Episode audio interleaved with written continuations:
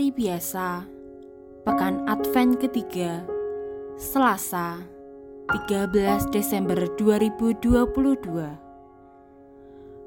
Bacaan pertama diambil dari Nubuat Zefanya, bab 3, ayat 1 sampai dengan 2. Dilanjutkan dengan ayat 9 sampai dengan 13. Beginilah firman Tuhan. Celakalah si pemberontak dan si cemar, kota yang penuh penindasan.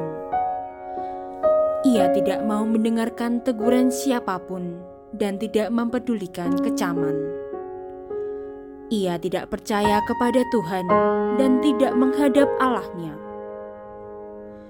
Tetapi aku memberikan bibir lain kepada bangsa-bangsa, yakni bibir yang bersih supaya mereka sekalian menyerukan nama Tuhan dan bersama-sama beribadah kepadanya. Orang-orang yang memuji aku yang terserak-serak akan datang dari seberang sungai-sungai negeri Ethiopia dan membawa persembahan kepadaku. Pada hari itu, engkau tidak akan mendapat malu karena segala perbuatan durhaka yang kau lakukan terhadapku.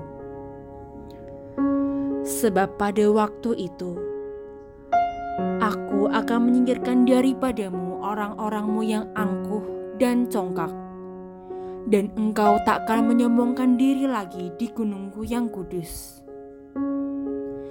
Di tengah-tengahmu akan kubiarkan hidup suatu umat yang rendah hati dan lemah yang akan mencari perlindungan pada nama Tuhan. Mereka itulah sisa Israel. Mereka tidak akan melakukan kelaliman atau berbicara bohong. Dalam mulut mereka tidak akan terdapat lidah penipu.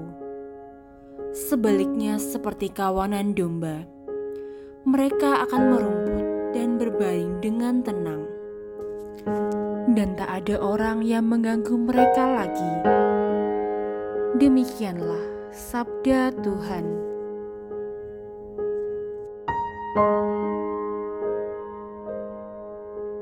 Bacaan Injil diambil dari Injil Matius bab 21 ayat 28 sampai dengan 32. Yesus berkata kepada imam-imam kepala dan pemuka-pemuka bangsa Yahudi, "Bagaimana pendapatmu? Ada orang mempunyai dua anak laki-laki. Ia pergi kepada yang sulung dan berkata, 'Anakku, pergilah bekerja di kebun anggur hari ini.'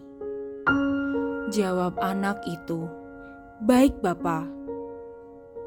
Tetapi ia tidak pergi. Lalu orang itu pergi kepada anak yang kedua dan berkata demikian juga. Dan anak itu menjawab, "Tidak mau." Tetapi kemudian ia menyesal, lalu pergi juga. Siapakah di antara kedua orang anak itu yang melakukan kehendak ayahnya? Jawab mereka, "Yang kedua." Maka berkatalah Yesus kepada mereka, Aku berkata kepadamu, sesungguhnya pemungut-pemungut cukai dan pelacur-pelacur akan mendahului kalian masuk ke dalam kerajaan Allah.